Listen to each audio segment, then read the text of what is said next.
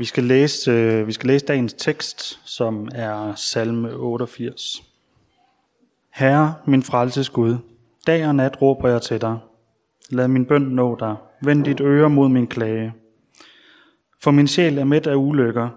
Mit liv er nået til dødsriget. Jeg regnes blandt dem, der er gået i graven. Jeg er blevet som en mand uden kraft. Blandt de døde er jeg spærret inde, som de dræbte, der ligger i graven. Dem du ikke længere husker, for de er revet ud af din hånd. Du har kastet mig i den dybe grav, i det mørke dyb. Din vrede hviler tungt på mig. Alle dine brændinger lader du skylle ind over mig. Min bekendte har du taget fra mig og givet dem afsky for mig. Jeg er spærret inde, jeg kan ikke komme ud. Mit øje er sløvet af lidelser.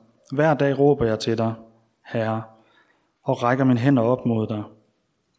Gør du under for de døde, rejser dødningen sig og takker dig.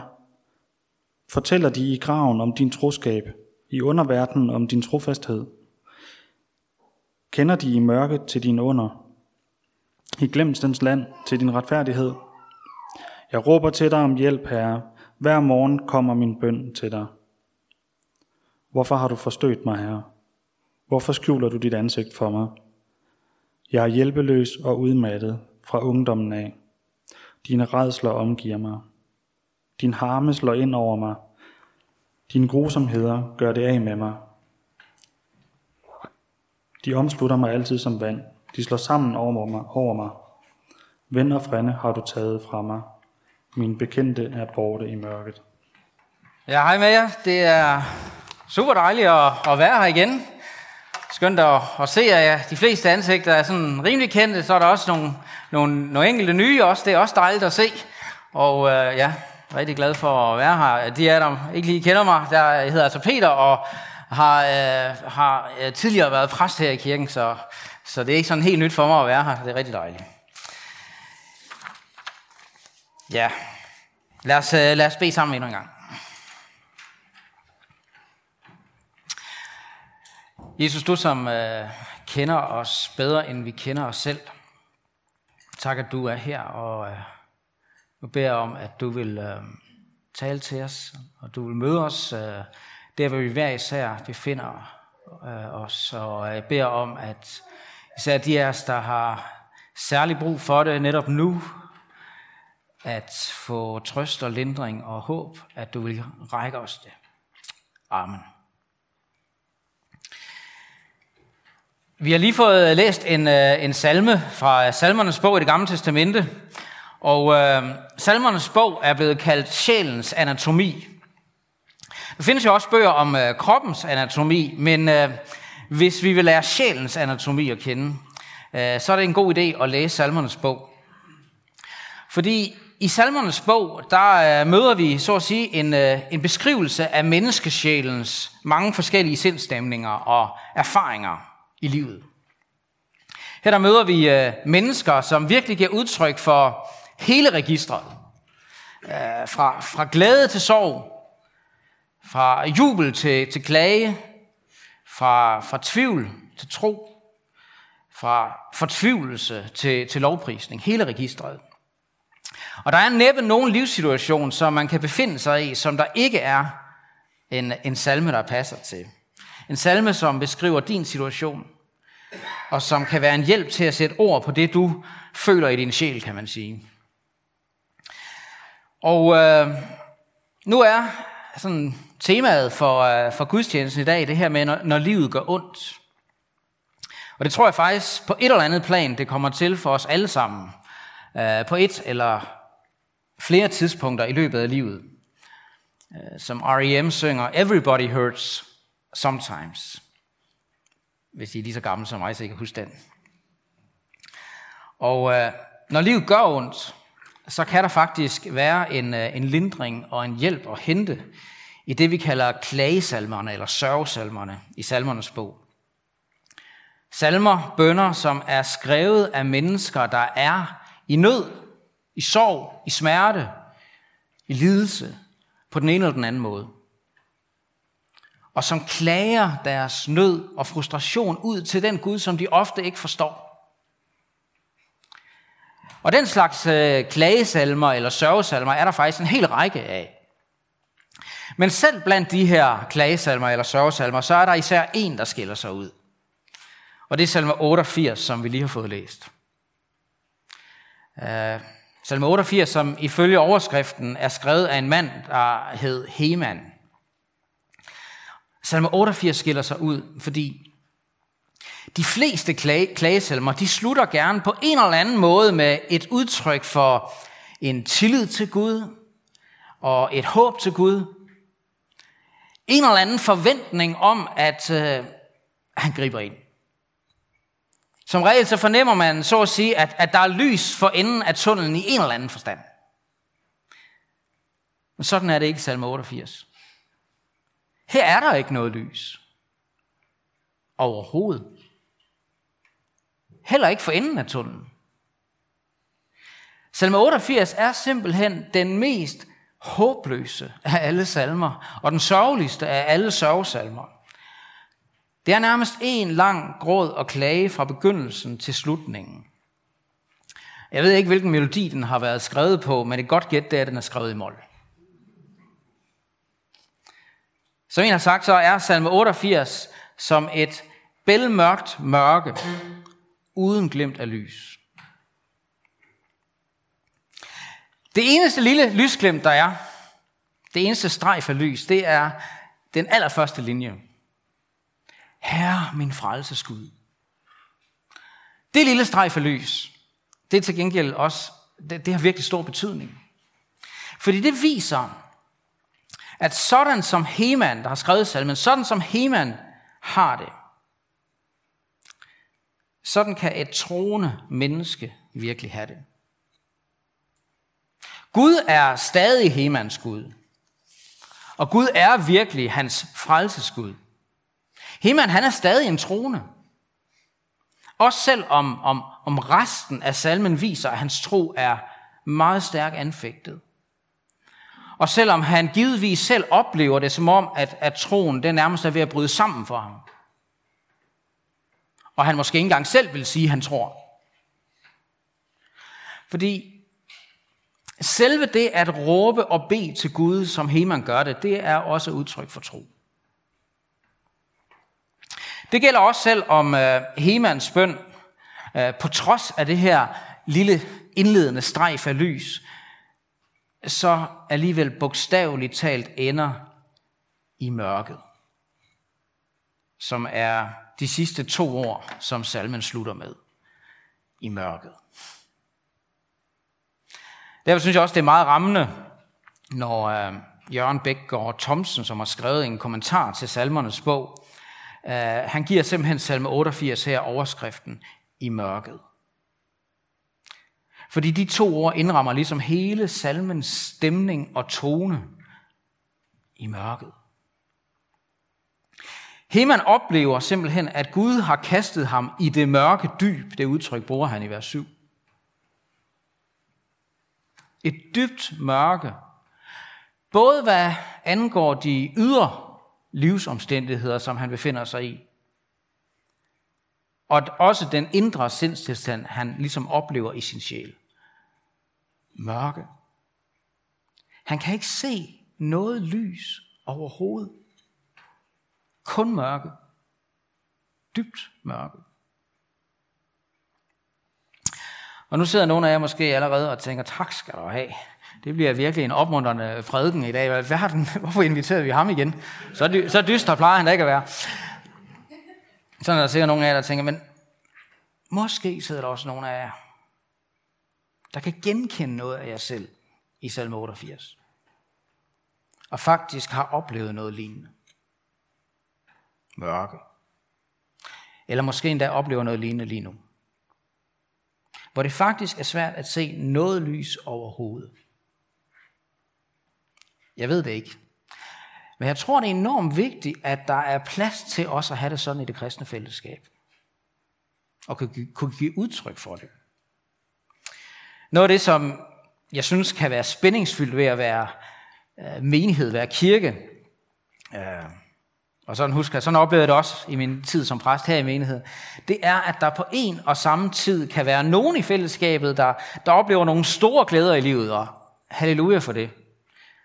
Samtidig med, at der er andre, der, der kæmper med store sorger og smerter i livet. Og det synes jeg, det kan godt være sådan en, en udfordring, og det kan være spændingsfyldt og, og rumme hele spektret samtidig i, i det samme fællesskab.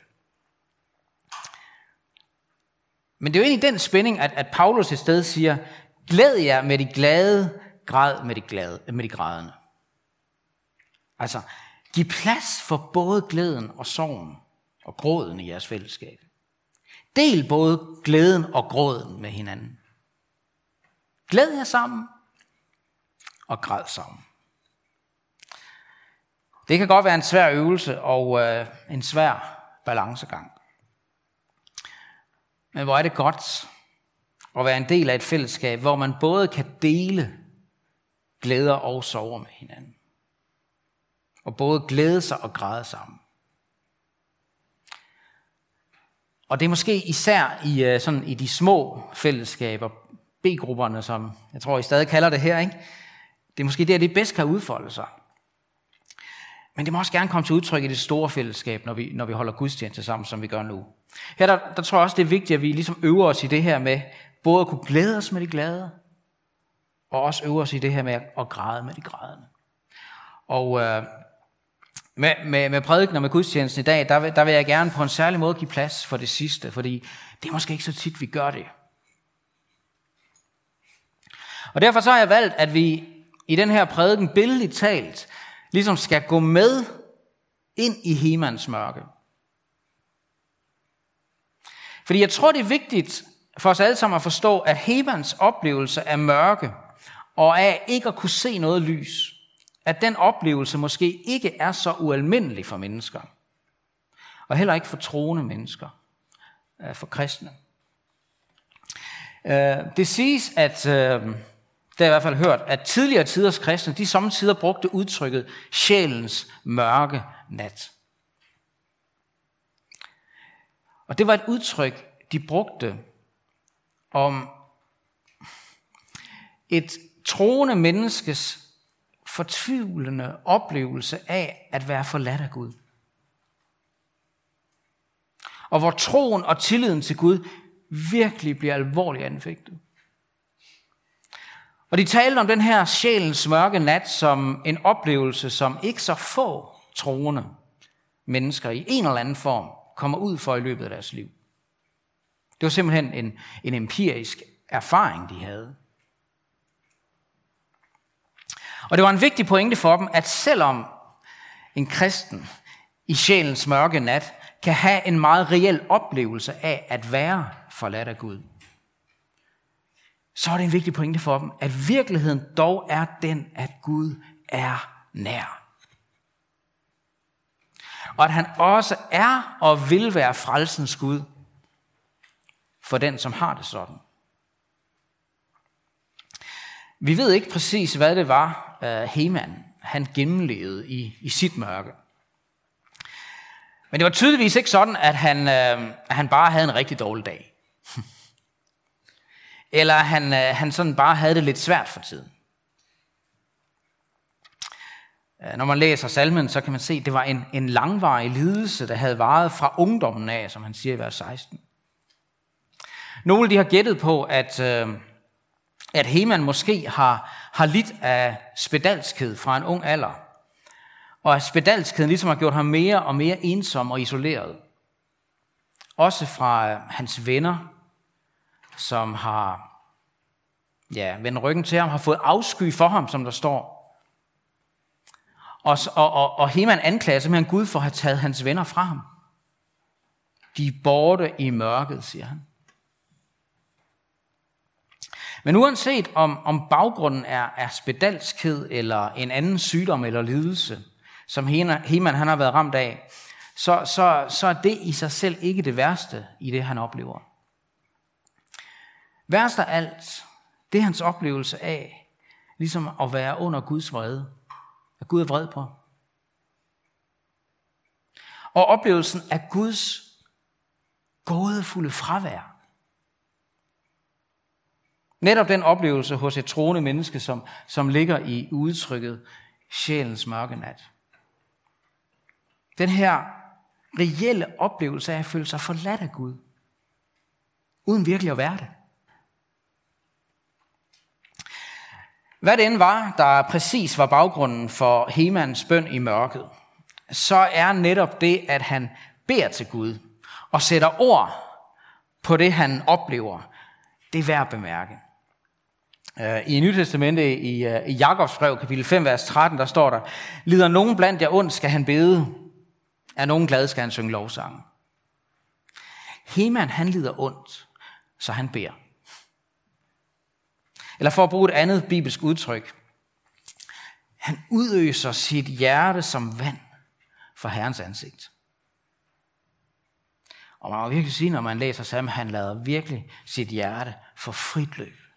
Han, han udøser sit hjerte, så det næsten vælter ud af ham. Han krænger sin sjæl ud, vil vi sige. Og han sminker bestemt ikke på ordene. Hudløst ærlig og næsten chokerende bramfrit, synes jeg jo, sætter han ord på sin smerte og det mørke, han føler i sin sjæl. Og ligesom øh, den lidende Job, som vi også møder i øh, Jobs bog i det gamle testamente, så holder Heman ikke sit behov for at gå i rette med Gud tilbage. Og jeg tror ikke nødvendigvis, at man kan sige, at Heman han har ret i alt, hvad han siger om Gud og siger til Gud. Men han gør det rette. Han gør det rette, fordi han retter sin klage det rette sted hen til Gud.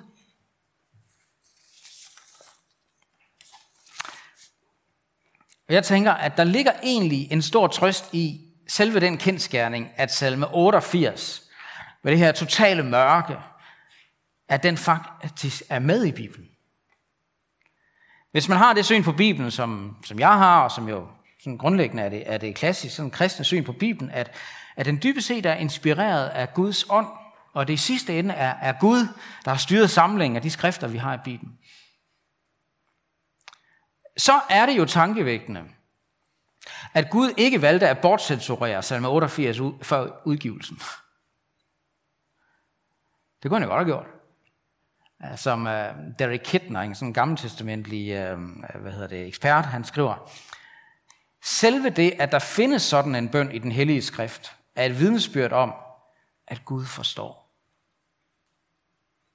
Gud forstår. Han ved, hvordan mennesker udtrykker sig, når de er desperate. Prøv at høre. Gud ville, at salme 88 skulle med i Bibelen. Ikke noget med, den slags bønder vil jeg ikke have med i min bog.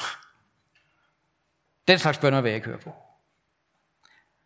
Nej, Gud sagde derimod, salme 88, den skal også med. For jeg er også Gud for Heman. Og jeg er også Gud for den, som har det som Heman, og som beder som Heman. Jeg er også frelsens Gud for den, der oplever sjælens mørke nat, og som ikke ser andet end mørke, og ikke kan se noget lys. I sin øh, bøn, der stiller Heman øh, det, man også kan kalde lidelsens hvorfor. Hvorfor har du forstødt mig her? Hvorfor skjuler du dit ansigt for mig? Og det, jeg siger nu, kan måske lyde paradoxalt, men på en måde, så er det netop her, at Hemans tro på Gud kommer aller tydeligst frem. For Hemans lidelse har ikke gjort ham til ateist. Jeg ved ikke, om du har tænkt på det, men lidelsens hvorfor eksisterer ikke i ateismen. I ateismen, der har lidelsen per definition aldrig noget formål eller noget, nogen dybere mening. Den er og bliver bare meningsløs. Lidelsen er hverken god eller ond. Den er bare fuldkommen tilfældig i ateismen. Lidelsen er bare et udtryk for et sammenfald af uheldige omstændigheder, som du bare må kåbe med, dele med, håndtere. Selve det at spørge, hvorfor, Det er meningsløst for ateismen. For ateisten. Som om der skulle være nogen forklaring eller noget svar. Lidelsens hvorfor er ikke et spørgsmål at stille for en ateist, der tager sin egen tro alvorligt. Jeg siger det med al respekt. Men det er sandheden. Lidelsens hvorfor er ikke et spørgsmål at stille for en ateist, der tager sin egen tro alvorligt. For der er ikke noget svar.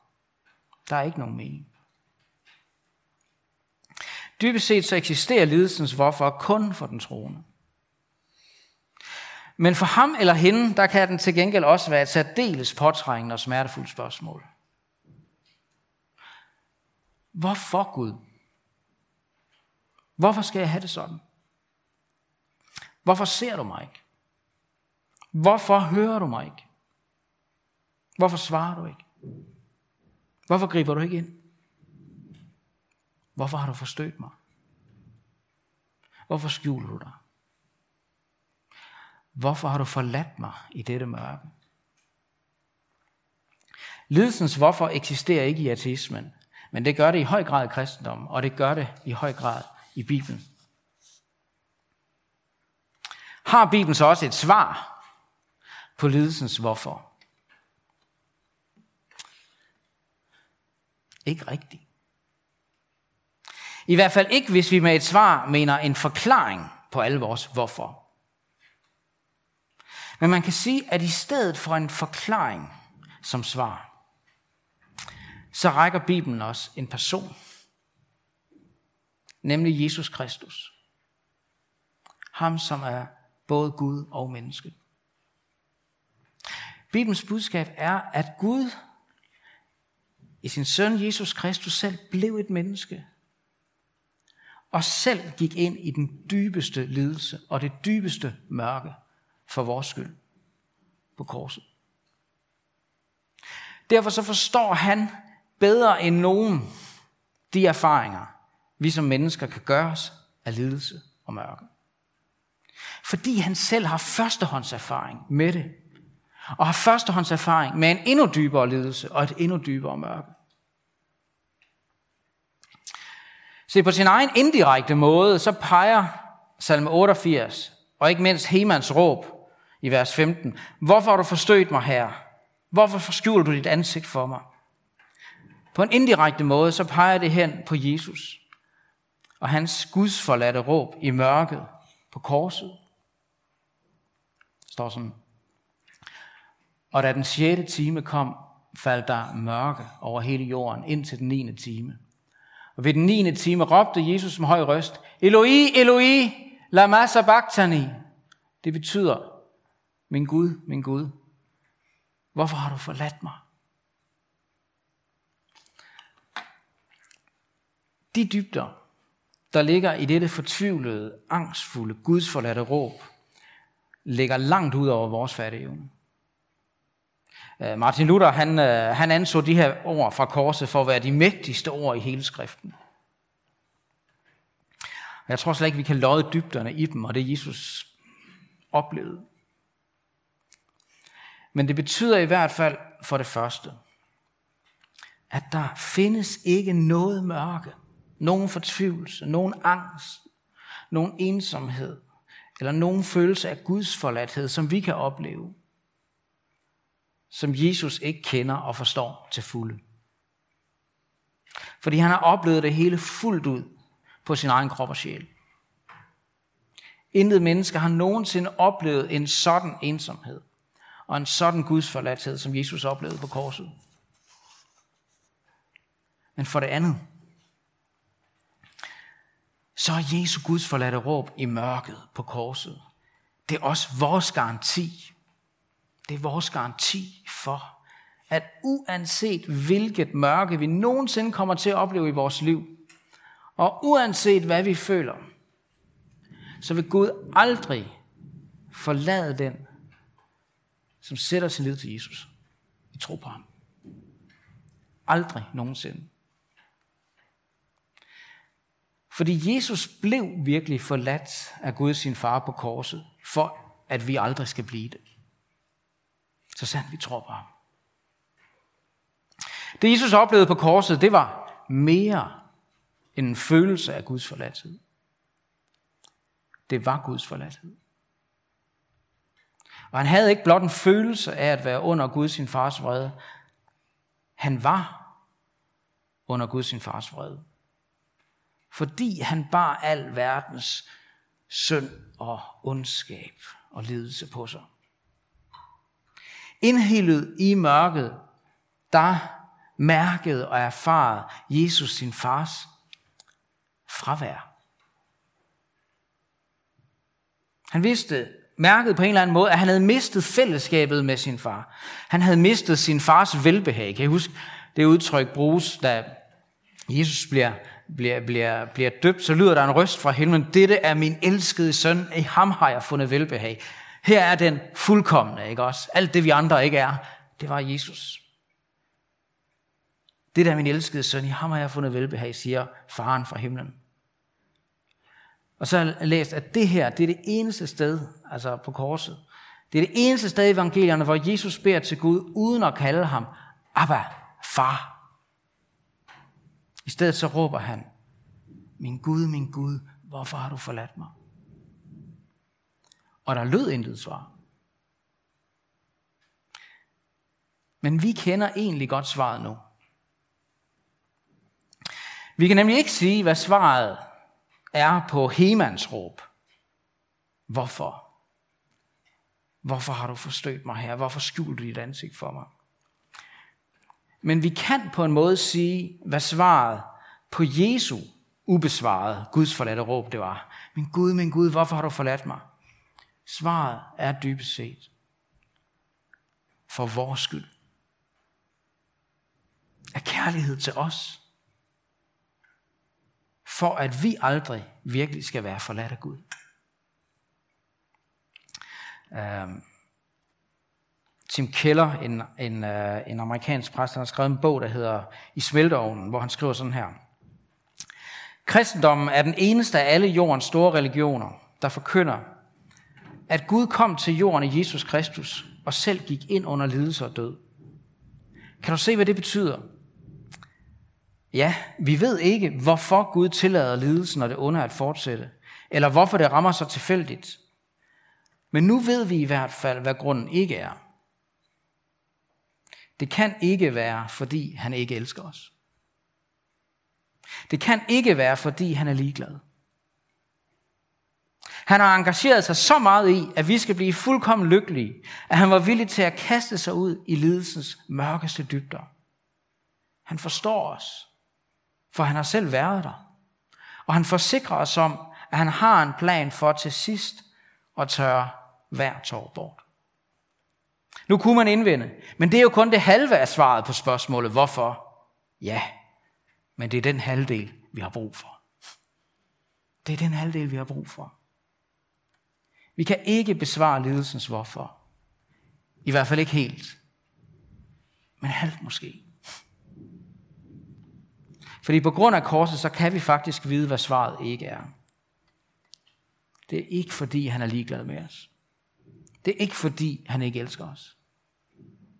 Og det er der faktisk en stor og dyb trøst i at vide, ikke mindst når vi som Heman oplever det her med at, at være i mørket. Og i det mørke, der er der også en, en trøst i at, øh, at vide, at Jesus gennem sin lidelse i mørket og, og gennem sin opstandelse fra de døde, så han har givet os et sikkert håb om, at der er et daggry på vej. Der er et daggry på vej. Der kommer en dag, hvor Gud, som, som Keller også øh, siger, vil tørre hver tår, tår bort. Det er, det er håbet, og det er forsikringen. Både i det gamle testamente og i det nye testamente. I det gamle testamente, der er der et fantastisk sted i, i Esajas bog, kapitel 25, Øh, hvor, hvor der ses frem mod den dag, hvor, hvor døden en gang for alle skal være opslugt, og alle lidelser og alle sorg skal slutte. Og så står der, og Herren tørrer tårerne af hvert ansigt. Og det gentages i den sidste øh, bog i Bibelen. Han vil tørre hver tårer af deres øjne.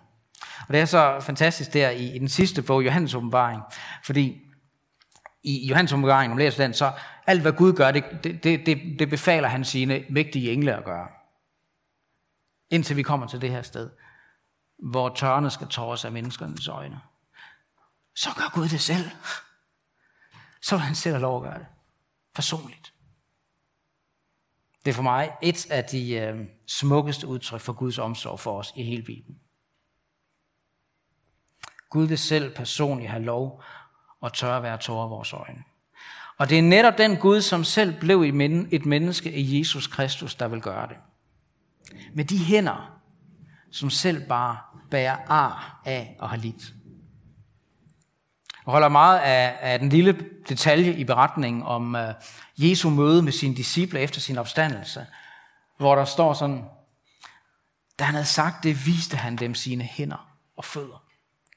Navlemærkerne. Sårene fra korset. Beviset på hans kærlighed. De sår og de ar, som også er vores garanti for, at daggryet er på vej. Og i Esajas 53, vers 5, hvor der står, ved hans sår blev vi helbredt. Det betyder for det første, at vi tror på en Gud, der selv er stedet så dybt ned i vores lidelser, at han selv har fået sår og ar af det. Og for det andet så betyder det, at ved hans korsmærkede sår, der er der virkelig helbredelse for os. Både åndeligt, psykisk og læmeligt. Og hvad der ikke heles her i livet, det heles i evighed. Fordi tiden læger ikke alle sår, men evigheden gør. Ellers man måske også kunne sige det. Jesus sår. Jesus sår heler alle sår. Om ikke her i livet, så dog i evigheden. Der findes et, øh, et meget stærkt digt, det vil jeg slutte med, der hedder Jesus of the Scars. Jesus med arne. Det er skrevet af en engelsk præst ved navn Edward Chilito umiddelbart efter 1. verdenskrig. Øhm, hvor mange engelske soldater vendte hjem med dybe sår og ar øh, på både krop og sjæl. I den situation, der, der tænkte Edward Chalito over det her spørgsmål, hvordan i alverden forkynder jeg evangeliet for lidende mennesker med sår på krop og sjæl som dem? Og en del af svaret fandt han netop i Bibelens budskab om, at Gud i Jesus selv blev et lidende menneske, så han endnu bærer arne af det. Og derfor så er han også den eneste, der kan hele vores sorg og ar. Ingen andre kan, men Jesus kan. Og han skrev altså et digt, der hedder Jesus of the Scars. Jesus med arne.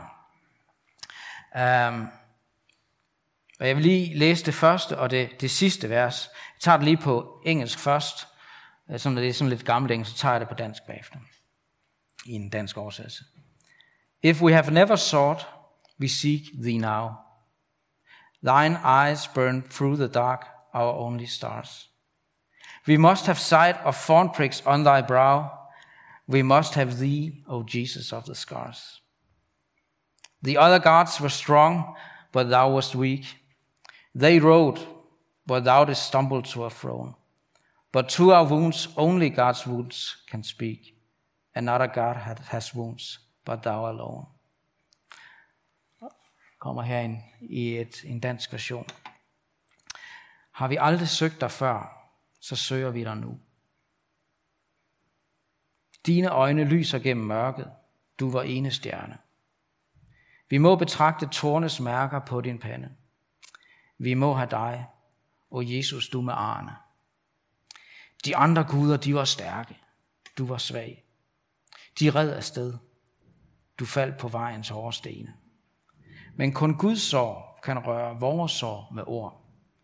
Og ingen anden Gud har sår. Det har kun du alene.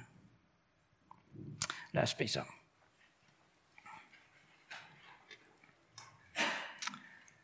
Ja, Herre, jeg takker dig for dine ord, og så beder jeg dig om, at du vil tage dine ord og plante dem dybt i vores sjæl, og at du der vil øh, i, i vores mørke komme med dit lys.